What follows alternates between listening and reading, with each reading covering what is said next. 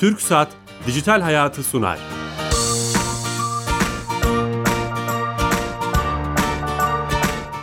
Herkese merhaba, ben Bilal Eren. Teknoloji, internet ve sosyal medyanın daha geniş anlamda dijitalleşmenin hayatımızda etkilerini konuştuğumuz Dijital Hayat programımıza hoş geldiniz. Her cuma 15.30'da TRT Radyo 1 mikrofonlarında sizlere konuk oluyoruz.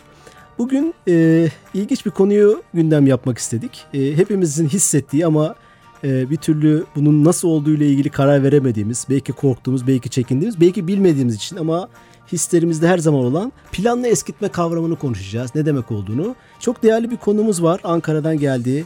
Vaktini ayırdı, şeref verdi. Ankara Hacı Bayram Veli Üniversitesi öğretim üyesi doçent doktor Vilden Hilal Akçay hocamızla beraberiz. Hocam hoş geldiniz. Çok teşekkür ederim. Hoş bulduk. Şeref verdiniz. Ee, bu konuda e, planlı eskitme stratejisi üzerine araştırmalar kitabıyla da Gazi Kitabı evinden kitabı olan tek kişisiniz Türkiye'de. Bu, evet. anlamda da e, çok önemli. İlk Nedir adım, bu? küçük adım Yok, bu konuya. Çok, bakir bir konu. Çok önemli evet. evet. O, o yüzden e, özellikle bu tüketim çağında, dijitalleşen çağda bu konunun ne demek olduğunu konuşacağız. Hı hı. Eminim konuyu anlattıkça da e, herkes evet ya ben bu işi biliyorum Aynen öyle. Diye. Aslında bilinen ama konuşulmayan bir konu. evet düşünüyorum. Ama öncesinde her hafta olduğu gibi sponsorumuz TürkSat, TürkSat'a bağlanıyoruz. Türkiye Gov.tr ile devletin tüm işlerini dijitalleştirmeye çalışan bir kurumumuz. Orada direktör arkadaşımız Sami Yenice var. Telefon attığımızda. Sami Bey. Bilal Bey yayınlar. Yayınımıza hoş geldiniz. Hoş bulduk sağ olun. Bu hafta hangi özelliği, servisi, hizmeti bize anlatacaksınız? Evet, yeni bir hizmet değil ancak tekrar duymakta fayda var. Bu hafta halk kütüphaneleri hizmetlerinden bahsedelim isterseniz. Harika. Ereğli Kapısı üzerinden istediğiniz halk kütüphanesine gidip yapabilir. Anında e-kitaplara erişebilir. Katalog taraması yapabilir. Ödünç aldığınız kitapların süresini uzatabilir. Üyelik bilgilerinizi güncelleyebilir. Kayıt yaptırdığınız halk kütüphanesini değiştirebilir ve bütün halk kütüphanelerinin hizmet bilgilerine erişebilirsiniz.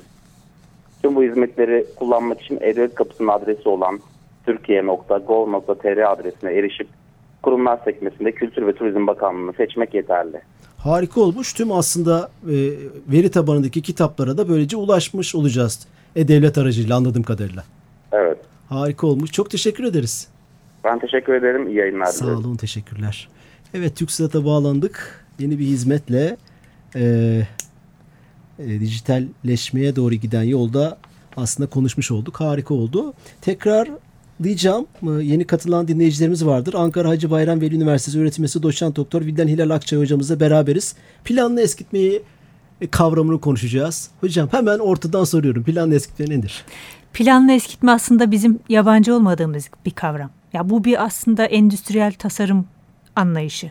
Fakat bu şekilde tabir edilmesi üreticiler açısından hoş bir şey değil. Çünkü ben mesela e, size planlı eskitme desem siz aklınızdan şunu geçirmelisiniz. Yani şuurlu bir birey olarak neyi plan, eskitme de mi planlı oluyor demelisiniz. Ya da işte endüstriyel tasarım anlayışı veya konsepti dediğimiz zaman ne oluyor ya? Bir şeyler tasarlanıyor mu? Ne oluyor? Ürünler tasarlanıyor mu? Ne zaman tasarlanıyor diye aklınızdan geçirirsiniz. Ama ürün yaşam döngüsü dediğim zaman ya da mamül hayat seyri dediğim zaman ki bunlara aşinayız derslerimizden vesaire.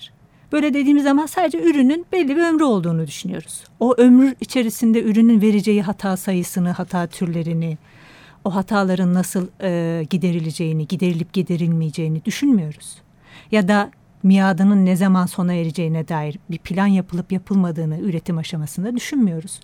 Dolayısıyla planlı eskitme bir işte endüstriyel tasarım konsepti derken böyle ardındaki o ürün yaşam e, döngüsünün ardındaki o e, niyeti ortaya koyan bir tabir olması hasebiyle önemli. Nedir? E, şöyle tanımlayabiliriz. Bir ürünün veya hizmetin e, tasarım aşamasında miadının kararlaştırılması. Miadının veya ne zaman eskiyeceğinin tasarım aşamasında e, kararlaştırılması. E, buna yönelik e, kurgunun tasarım aşamasında yapılmasına dair bir strateji. Örneklendirelim mi? Şöyle e, çok örneği var. Yani e, özellikle teknolojik alanda teknoloji ürünlerinden örnekler verebiliriz. E, kullandığımız akıllı telefonlardan, e, naylon çoraplardan, ampulden vesaire bunlara örnek verebiliriz. Hı hı. Bunlar aynı zamanda planlı eskitmenin türlerine giriyor. Dilerseniz evet, onlardan. Hani programın başında da söyledim ya bir akıllı telefonu kullanırken bir hı hı. süre sonra onun yavaşladığını, hatalar verdiğini, tuşlarının basmadığını, programlara giremediğimizi Evet. yani kişisel olarak ben de onu deneyimlemiş biriyim ve Evet. problemi kendimde aramaya başlıyorum bir süre sonra. Bir şey yanlış mı yaptım, virüs mü geldi, telefonu düşürdüm mü, pili mi bitti gibi bir sürü sorular geliyor. Ama aslında e, bu planlı eskitme stratejilerinin bir parçası olarak onun aslında bir ömrünün olduğu, Olduğu. ve artık zamanın dolmaya Geriye, başladığı geriye sayımın başladığının işareti. anlamına geliyor. Yani e, eğer elinizdeki telefonun hızının yavaşladığını hissediyorsanız o bir his değil, o bir gerçek. Çünkü yazılımı güncellediği zaman işletme sizin aslında donanımınızı eskitmeye başlıyor. Çünkü o mevcut bataryanızın e, güncellenen yazılımı kaldırabilmesi için sistemi yavaşlattığını ikrar ediyor işletme. Hatta bu manada bunu yaptığımız için özür dileriz diyor. E, mevcut bataryalarınızı değiştirmek için kampanya başlatalım, daha makul bir fiyata değiştirelim diyor. Yani işletmeler bunu ikrar ediyor. Biz de bunun farkındayız ama hala sempatizan olarak e, yeni e, çıkan modeli alabilmek için e, piyasaya sürüleceği gün kapıda kuyruk oluşturabilen bir e, kitle var sempatizan olarak. Bu yeni değil. Bu 1940'lı yıllarda da naylon çorap e, yeni naylon DuPont firması naylonu keşfettiği zaman naylon çorap üretildi bir kısa bir süre sonra ve e, Pittsburgh şehrinde e, o- 13 bin çift naylon çorap getireceğini beyan etti bir mağaza. Kapının önünde 40 bin kişi kuyruk oluşturmuştu. Bu 1940'lı yıllarda da böyleydi yani. Hala günümüzde bu zihniyet devam ediyor. Evet yani bu şeyin aslında siz şu örneği de vermiş oluruz. Tüketime, bireye etkilerinden de bahsetmiş oluruz. Evet. Tarihçesinden de bilgi Tarihçesi verdiniz. şöyle. Nasıl başladı bu iş yani? Ya bu aslında e, planlı eskitme 1900'lü yıl yani o 20. yüzyılın başlarında e, ortaya çıkmış bir strateji, kullanıla gelen Şöyle bir strateji. diyebilir miyiz hocam? Çok özür diliyorum. Bir ürünün seri üretime girmesiyle başlayan bir şey diyebilir miyiz bu? Ağırlıklı Sanayi olarak öyle. toplumuyla beraber, Aynen makine öyle. düzeniyle beraber. Evet. Yani çok da çok da onunla bağdaştırmak doğru değil. Mesela Ford e, T tipi otomobilleri ilk ilk ürettiği otomobillerdir Evet. Henry Ford'un. Ama o e, hem siyah otomobil üretmekte ısrarcı olmuştur. Hem kaliteli eskimemesi için çabaladığı bir e, seri üretimdir ama eskimemesi için kalitenin eskimemeye bağlı olduğunu e, prensibiyle üretilen otomobillerdi. Dolayısıyla her seri üretim e, mamülü e, planlı eskitmeye tabidir demek Di- doğru diyemeyiz. değil. Evet. Diyemeyiz. Ama çoğu öyle. Çoğu öyle. Evet şimdi ben aslında bu şeyi şöyle bir haberle e, gündemime almıştım diyelim. Pa- patlamayan bir ampul varmış. Ampul. Amerika'da bir müzede duruyormuş. Çok ilginçti. O habere tıklamıştım. İşte 117 yıldır yalan amp- yanan ampulden bahsediliyor. Bir şirket Evet. bir ampul üretmiş. Hiç patlamıyor, bozulmuyor. Bu sene bu 19, 2000, 1919'dan 1902'de yapılmış. 1901'den beri 1900 yanıyor. yanıyor. 118 yaşında. Ya, şimdi bunu okumuştum çok şaşırmıştım. O Evet. firma iflas etmiş galiba başka O çoktan bu yana. Çoktan o, beri. o hikayeyle e, o, O- hikaye doğru değil mi? Tabii ki doğru. Şu anda zaten il- ilgili linki var. Linke tıkladığınız zaman ampulün yandığını siz canlı olarak izleyebiliyorsunuz internetten. Ee, o planlı eskitme türlerinden birini örnek. işlevsel eskitme hatta ikisine örnek. Kalite bakımından eskitme. Niye? Şimdi baktığınız zaman ampul ne zaman icat edildi? Thomas Edison tarafından 1880 yılında. İcat edildiği yıllarda ömrü 1500 saatti. Bundan 15 yıl sonra Shelby elektrik firması var Amerika'da. Ee, bu şirket bir ampul daha üretiyor. Bunun ürettiği ampul şu anda yanıyor. 1901 yılından bu yana. Çok ilginç. 118 yıldır. Dolayısıyla niye yanıyor? İletken tel ampulün içindeki öncekinden çok daha kaliteli bir tel. Sonra bir kartel devreye giriyor. Bu böyle olmaz. Ampul bu kadar uzun süreli yanarsa yeni ampulü nasıl üreteceğiz ve satışlarımız nasıl olacak diyerek. Amerika, Fransa, Almanya'daki ve dünyanın e, dünya çapındaki büyük e, ampul üreticileri bir araya geliyorlar. Evet. Bir kartel oluşturuyorlar. Ampulün ömrünü bin saatte sınırlayalım diyerek. İlk, ilk, iş, ilk buradan mı çıkıyor bu iş? ilk karar bu şekilde alınıyor. Evet 1924'te yanlış hatırlamıyorsam bu karar alınıyor. İlk buradan çıkmıyor aslında. Yani planlı eskitmenin tarihçesi 1910'lu yıllara dayanıyor. Ama e, bu çok belirgin hala bunların aldıkları kararlara hatta bu e, bin saate aşan ampul üreten firmalara kestikleri cezalara dair raporlar duruyor Çok ilginç. kanıtlanmış durumda. Dolayısıyla bizim şu anda kullanmakta olduğumuz ampuller bin saatlik ömrü olan en maksimum ampuller. bir e, süre sonra onu hissediyoruz zaten. İşin ilginç tarafı o e, linke tıkladığınız zaman gö- e, neredeydi? Kaliforniya'da bir itfaiye e, binasında, Binasında. yanmakta olan ampul, ampul iki tane webcam tüketmiş durumda. Çünkü onların ömürlü sınırlı. Ömrü bitti ona. Evet. İlginç tabii şey Trajikomik. belki hani hiç bitmeyen, bozulmayan ürünlerin de dünya ekonomisine, ülkelerin, toplumların ekonomisine belki başka açılardan zararlı olabilir. Yani Bu, bu ekonomik planlı eskitme ekonomik gereklilik mi değil mi sorusunu Evet. beraberinde getiriyor. Tabii ki yani e, eğer çoraplarımız çoraplarımız kaçmazsa, ampullerimiz patlamazsa, e, elimizdeki telefonlarımız eskimezse bu ekonominin çarkı nasıl dönecek? Yani döner ama yavaş döner. Çünkü ARGE faaliyetleri için bir fon gerekli. Neticede ekonominin canlı olması gerekli. Fakat biz bu kadar hızlı dönmesinden ya da suistimal edilmesinden tüketicinin arzularının veya ihtiyaçlarının öncelikle suistimal edilmesinden yakınıyoruz. şu an o aşamadayız. Evet. Onu görüyorsunuz. Yani de dolayısıyla planlı eskitme aslında ekonomik gereklilik. Fakat bir yere kadar. Niye?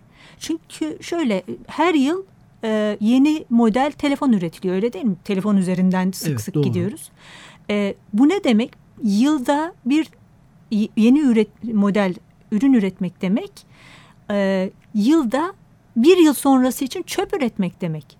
Eğer yani bu ne demek? Her yıl e, çöp teknolojik çöplüğü artan bir teknolojik bir de çöplüğümüz o yanı- oluyor. O yanı var evet. Hiç Eğer tekno- teknolojik atıklar veya çöpler kontrol altına alınmazsa bu üretici firmalar tarafından veya onların öncülüğünde böyle bir öngörüyle hareket edilmezse ne olacak? Dünyanın bir tarafında Gana gibi üçüncü sınıf ülkelerinde çöp yığınları artacak. Öncelikle o orada yaşayan insanlara zarar verecek.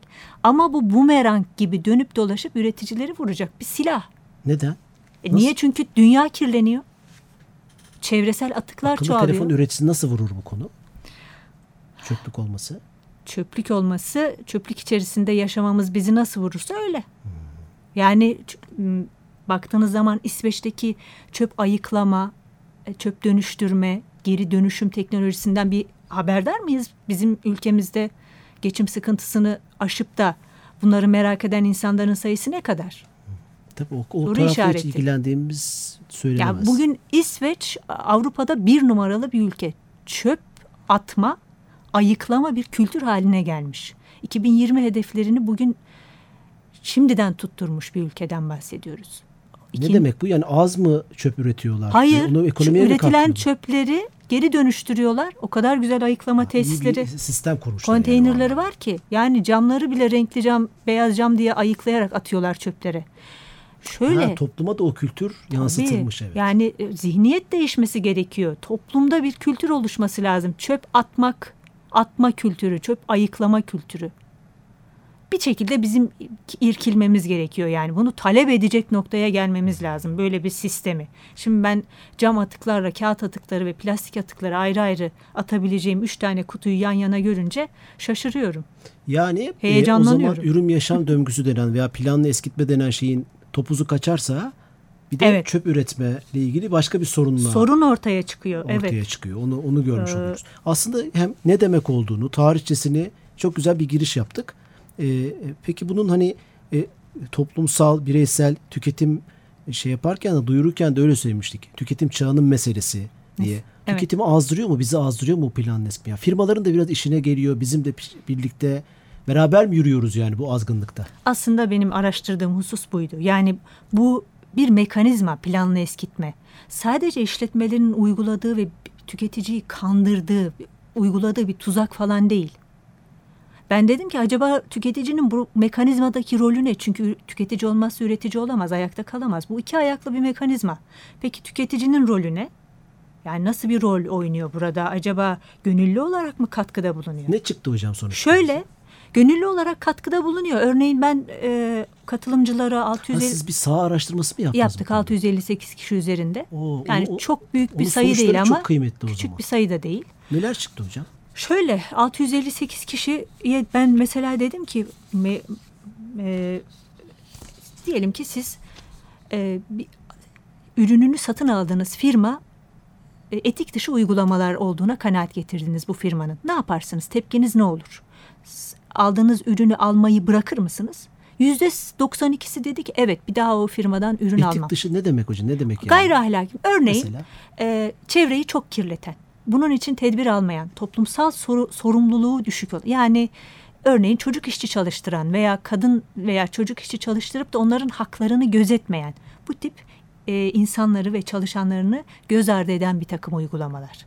Veya ürettiği ürünler aracılığıyla tüketicilere zarar veren ama bunu habersizce yapan yani tüketicilerin haberi olmadan kandırarak yapan. E bunun ürünü aldıktan sonra haberi oluyorsa bir tüketicinin bıraktığını söyledi %92 kişi. Yüzde 92 öyle dedi. Yüzde 8'i bence daha cesur davrandı. Dedi ki ben bırakmıyorum. Niye dedik? Açık uçlu soru sorduk orada. Yani sebeplerinizi söylemeniz lazım. Çünkü biz yaşayan e, tutarlılık ihtiyacı içerisinde yaşayan canlılarız. Yani bizim davranışlarımız, duygularımız, düşüncelerimiz arasında tutarlılık olmazsa intihar etmemiz lazım.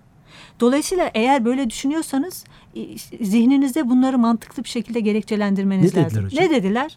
Dediler ki e, ben etik dışı davranan bir tek benim satın aldığım firmamı. Ya ben onun ra- ra- rakiplerinden de gidip satın alsam başka tele- muadili telefonları onlar da etik dışı davranıyordur. Rekabet edebilmek için etik dışı davranmak zorunlu. diye bir şey Rekabetin gereği. Kendi, kendince bir rasyonelitesini oluşturmuş kafada. Yani gerekçelendirmiş mantıklı bir gerekçeyle. Ya da işte e- yani böylece etik dışı ah- gayri ahlaki uygulamaları rekabetin gereği sayıyor. Diğer işletmelere de genelliyor bu uygulamaları. Hepsi yapıyor zaten. Hepsi, yapıyor. aynı diyor. Evet, ben ne Peki, yapabilirim ki Bir diyor. şey söyleyeceğim. Planlı eskitmeye niye bu soruyla başladınız? Yani siz bir planlı eskitme araştırması yapacaksınız. Evet. Tüketici alışkanlıkları Evet. diye. Niye böyle bir soruyla E çünkü başladınız? siz az evvel dediniz ki bu ekonomik gereklilik mi? Yani bu ekonomik gereklilik olabilir ama bir yandan da bunun e, e, çevresel atıkları çoğaltan israfa sebebiyet veren bir uygulama olduğu kesin. Peki benim ilk aklıma gelen şey şu. Bu tüketiciler bu israfa nasıl ortak oluyor? O yüzden bu soruyla başladım. Hangi gerekçelerle kendilerini kandırıyorlar veya ikna ediyorlar daha doğru bir ifadeyle de bu israfa ortak oluyorlar.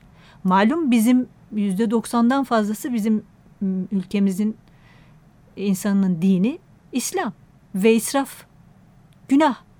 Fakat biz israfa ortak oluyoruz. Nasıl oluyoruz? İşte bu gerekçelerle oluyoruz israfa ortak. Dolayısıyla ben bunu merak ediyorum. Yani hatta araştırma yaptığım kitlenin e, 100 30 yaşın altındaki kesimde enteresan sonuçlar çıktı. Nedir? Daha hızlı tüketen yani gençler 30 yaşın üstündekilere nazaran daha hızlı tüketimi tercih eden kesim çıktı. İlginç. Başka ne sordunuz hocam? Başka ne sorduk?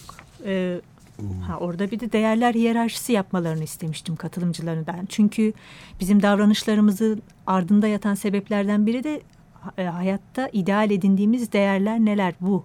E, davranışlarımızın ard- ardında yatan hangi değere öncelik verdiğimiz bu ne olabilir? Ahlaki, ahlaki değere mi öncelik veriyoruz? Dini değere mi? iktisadi değere mi? Hangisine öncelik veriyorsak bu bizim davranışlarımızı şekillendiriyor. 30 yaşın altındakiler dedi ki ben dini değere öncelik veriyorum. 30 yaşın üstündekiler böyle keskin bir ayrım ortaya çıktı. Ben ahlaki değere öncelik veriyorum dediler. Dini değer son sırada yer aldı. Dini değere öncelik vermek ne demek? Bu e, bu dünyayı bir geçiş güzergahı olarak algılamak demek. Gençlerde bu algının olması da aslında İlginç ama geldi. gençlerde bu Güzel algı bir var. bil- Bunu söylüyorlar. Yani diyorlar ki ben öbür dünyayı kazanmayı her şeyden öncelikli görüyorum. Yani konforlu bir hayattan da öncelikli görüyorum diyor. Fakat söylemleriyle eyle- eylemleri bir mi? Bunu Ne söyleyenler zaman yaptınız hocam bu araştırmayı? bunu e, o 2018'in Çok da iyi Nisan bir şey. ayında. Çok şaşırtıcı. Nisan ayında. Peki bunun e, tüketici, tüketici davranışlarına yani planlı eskitmeye konumuz. evet Nasıl bir etkisi çıktı totalde e, e, bu araştırma sonucunda ne, ne nasıl bir fikir sizde? Bunu nasıl yazıya döktünüz? Ne dediniz bunda sonuç olarak? değerli olan sonuç şu.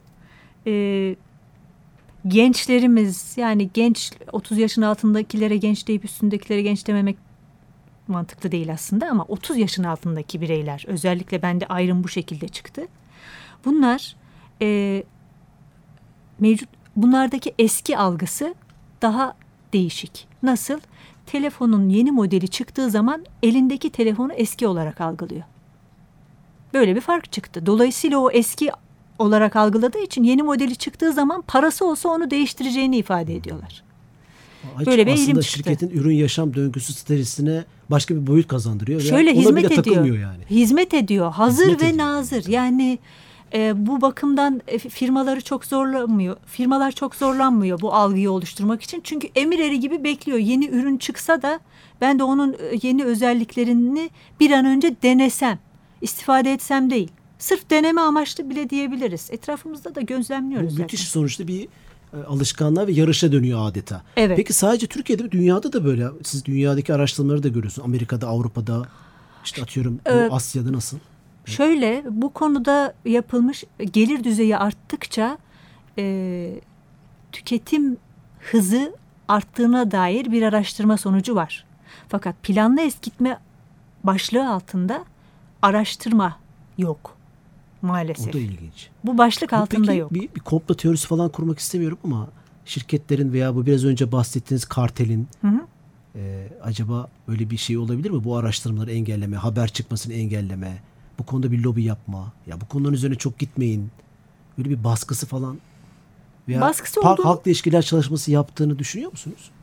Ee, Atıyorum telefon şirketleri bu planlı eskitme hiç bu gündem yapılmasın.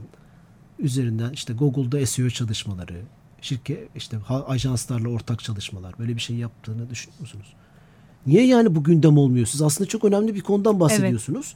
Ama bu ne, bu konuda ne yeterli bilinç var, kitap var, e, e, bu işlerle çalışan insan var. Burada ne e, çok zor bir soru mu bu zor bilmiyorum. değil aslında ama e, Ne hissediyorsunuz? yani? kadim bir problem bu. Yani bizim araştırmalarımızın toplumsal boyutu şey zayıf. Yani toplum açısından ne mana ifade ediyor bizim akademisyenlerimizin yaptıkları araştırmalar? Buna bakmak lazım aslında. Yani topluma nerede dokunuyor? Ama siz söylerseniz bu konuyu biz öğreneceğiz. Ben biz bilmiyoruz ki bu nedir? Bir ürünün Şimdi- ben bozulduğunu hissediyorum. Bir Evet. anda patır kütür çamaşır makinesi, buzdolabı hepsi aynı anda 3 sene sonra Evet. bozuluyor. Böyle çok enteresan hikayeler de vardır. Dinley- dinleyicilerimiz belki ben söyleyince daha da kafalarında oturacaktır. Bir anda bozulur böyle seri şeklinde. E, hissederiz. İşte onu tamir ettirmeye aslında dediğiniz şey var burada. Ürünün bir yaşamı daha ürünün üretilirken tasarlanıyor. Öyle midir? Ürünü üretirken bir ARGE departmanı bunu tasarlıyor mu? Tasarlıyor tabii ki. 3 sene sonra bozulsun çamaşır makinesi diyor. Evet bu sadece günümüze has bir şey değil. Naylon çoraplar da öyle. Naylon çorap 1940'lı yıllarda Ne diyor? Bin kere giyilince bin birde bozulsun mu deniyor? Şöyle, Nasıl organize şimdi bakın naylon Nasıl dediğimiz e, tekstil ürünü o kadar sağlam bir ürün ki araba çekme halatı olarak kullanılan bir üründen bahsediyoruz. Naylon çorap. O kadar kuvvetliyken Bunu kimyasallarla inceltiyor mu bir şey evet yapıyor? Tamam. mühendislere talimat veriliyor. Bunu daha dayanıksız hale getirin diye. DuPont firması yapıyor bunu. Tamam bu planlı bir şey ve Planlı. ürünün şi- şirketin daha çok zenginleşmesi. Onun tarafından bunu anlayabiliyorum. Kıssam da anlıyorum. Evet. Peki ama biz tüketiciler dünya insanlığı, insanlık yani. Evet. Bu konuda bilinçlendirmesi, bilinçli olması gerekmez mi?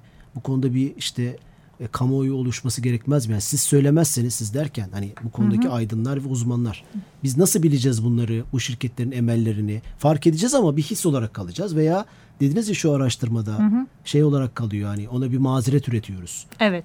E, bunu nasıl aşacağız bu kısır döngüyü? Bunu Çok nasıl- şey zor sorular sordum bugün. aslında şöyle yani bu aslında birey kendisinden başlayan bir süreç. Bu yolculuğa herkes kendisinden başlamalı. Yani ben evet telefonum e, arızalandı. İçini de açamıyorum. Telefoncuya götüreceğim, tamir ettireceğim. Ama bununla mı uğraşacağım diyeceğimize uğraşacağız. Eğer hakkımızın gasp edildiğine inanıyorsak bugün Amerika'daki hakkı gasp edilen örgüt ve bunun için örgütlenip de dava açan tüketiciler gibi örgütlenip dava açmayı bileceğiz. Orada müthiş STK'lar, dernekler var sanırım bu konuda. E, bizde de olabilir. Bizde de var Tüketici Koruma Derneği, hakları Evet. bir sürü. Ama ama atıyorum yani bu sadece planla eskitmeye has bir şey değil. Yani atıyorum kargoda ürününüz gitti, dolandı, e, alıcıya ulaşmadı, geri geldi. Size sizin de kabahatiniz yok. Ne zaman siz gidip de tüketici e, mahkemesine başvurdunuz ama kim uğraşacak onunla diyoruz. Böyle bir bilincin farkındalığımızın olması Aynen gerekiyor. öyle. Zihniyet zihniyetin oturması lazım. Ya bu bir kültür. Önce Hemen size sorayım. Böyle bir şey fark ettik. Telefonumuzun bozulduğu. Bu sözleşmede yazmıyordu. 3 sene sonra ürünün ölür diye bir şey yazmıyor sözleşmelerde. Evet. Konuya hiç baktınız mı bilmiyorum. Başımıza böyle bir şey geldi. Kime şikayet edeceğiz? Nasıl sizin var mı bu konuda bize son 30 saniyede Kime şikayet edeceğiz? Yani ne yapmamız lazım ilk olarak? Hani somut bir çıktısı olsun. Şöyle yapacağız. Şikayet edecek kimse yok. Sadece gidip servise gidip pilimi değiştir diyeceğiz. Yenisini almayacağız. Ya bu konuda dirençli olmamız lazım. Pat diye gidip yenisini almayacağız. Yenisine heves etmeyeceğiz. Biraz ihtiyaçlarımızı, isteklerimizin önüne geçirmeye çalışacağız. Yani e, illa bir formül Kendimizi beklemeyeceğiz. frenleyeceğiz. Bir iç, iç kontrol de gerekli. ona. Evet, yani bu bireyde başlayan bir şey.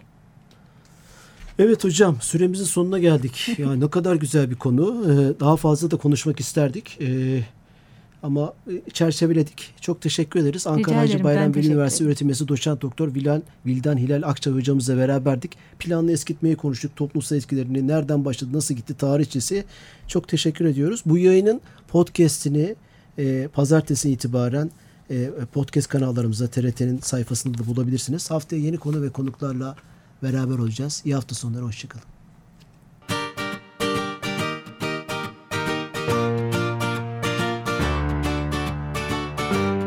Türk Saat Dijital Hayatı sondu.